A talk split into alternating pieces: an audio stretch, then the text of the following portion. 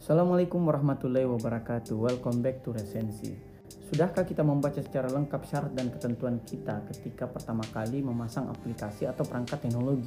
Atau kita merupakan pengguna yang mengizinkan semua perizinan aplikasi tersebut untuk dapat mengakses kontak, suara, hingga kamera kita? Tahukah kita bahwa data-data pribadi kita yang kemudian tersimpan pada big data dapat dipergunakan oleh vendor teknologi tersebut demi keuntungan ekonomi maupun politik mereka? Maka, ucapan selamat datang di era digital dapat kita maknai sebagai selamat datang di era peretasan suatu era di mana privasi tidak ada lagi. Bagi yang menyambut dunia digital dengan optimis, maka mereka disebut dengan teknofilia.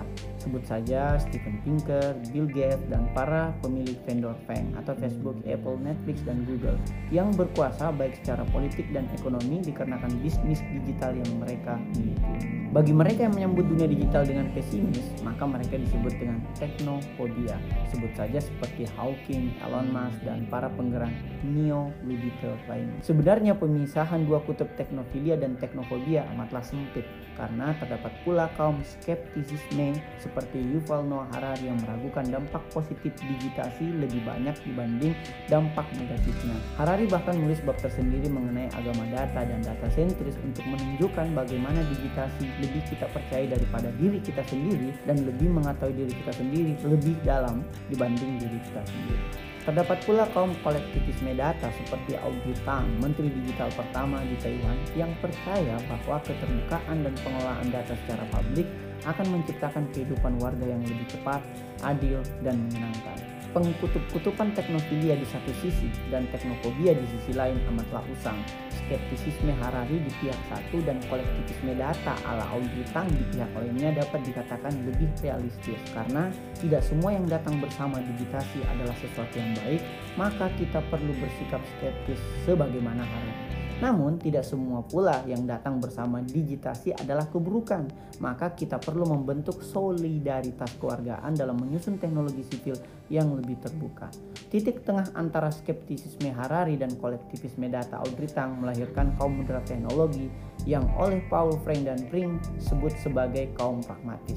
Mereka memandang masa depan menjadi bisa jadi lebih hebat jika kita membuat keputusan yang pintar dan praktis. Pandangan ini didukung pula oleh misalnya Steve Wozniak, Satya Nadella, Sundar Pichai, Mark Benioff, dan ketiga tokoh pencetus pragmatisme teknologi tersebut.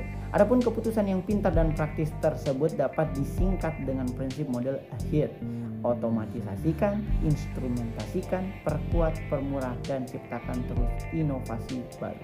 Digitasi adalah suatu realitas tak kasat mata yang tersusun dari algoritma atau kode yang dibuat oleh teknisi data. Sehingga digitasi bukanlah realitas metafisik, ia merupakan realitas fisik yang tersusun dari algoritma tak kasat mata. Ia memang tak nyata buku fisik yang Anda baca sehari-hari, tapi ia juga bukanlah segaib malaikat atau iblis yang tak dapat kita indrai. Diperlukan perangkat untuk dapat menangkap makna di balik tanda yang disusun dari kode-kode digital tersebut. Digitasi bukanlah sesuatu yang hakiki, bukan pula tabiat manusia-manusia tertentu, melainkan kesepakatan antara mereka yang paham dalam menyusun kode komputasi tersebut sebagaimana pertama kali dilakukan oleh Alan Turing dan para inovator teknologi lainnya. Digitasi sering pula disebut sebagai dunia cyber, internet, teknologi informasi, luring, kecerdasan artifisial, revolusi industri keempat, dan banyak lagi sebutan lainnya menunjuk makna yang sama, yaitu realitas yang tersusun dari kode algoritma cerdas berbasis teknologi.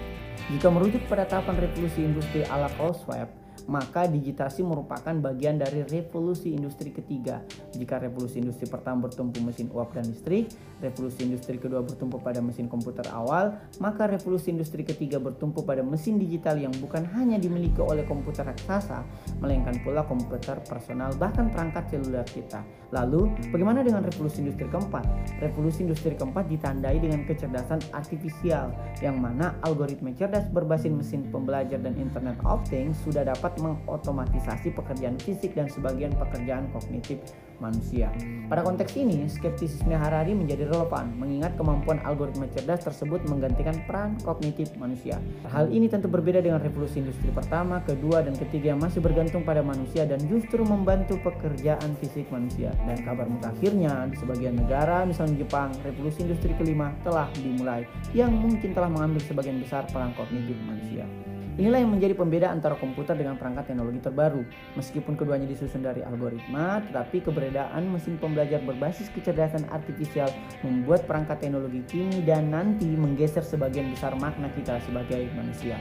Bagaimana jika seluruh data pribadi kita diketahui dan dikuasai bukan saja oleh penguasa ekonomi seperti Bill Gates atau penguasa politik seperti Xi Jinping, melainkan pula oleh big data yang menyimpan seluruh data kontak, lokasi, foto, suara, video hingga pada preferensi seksual kita.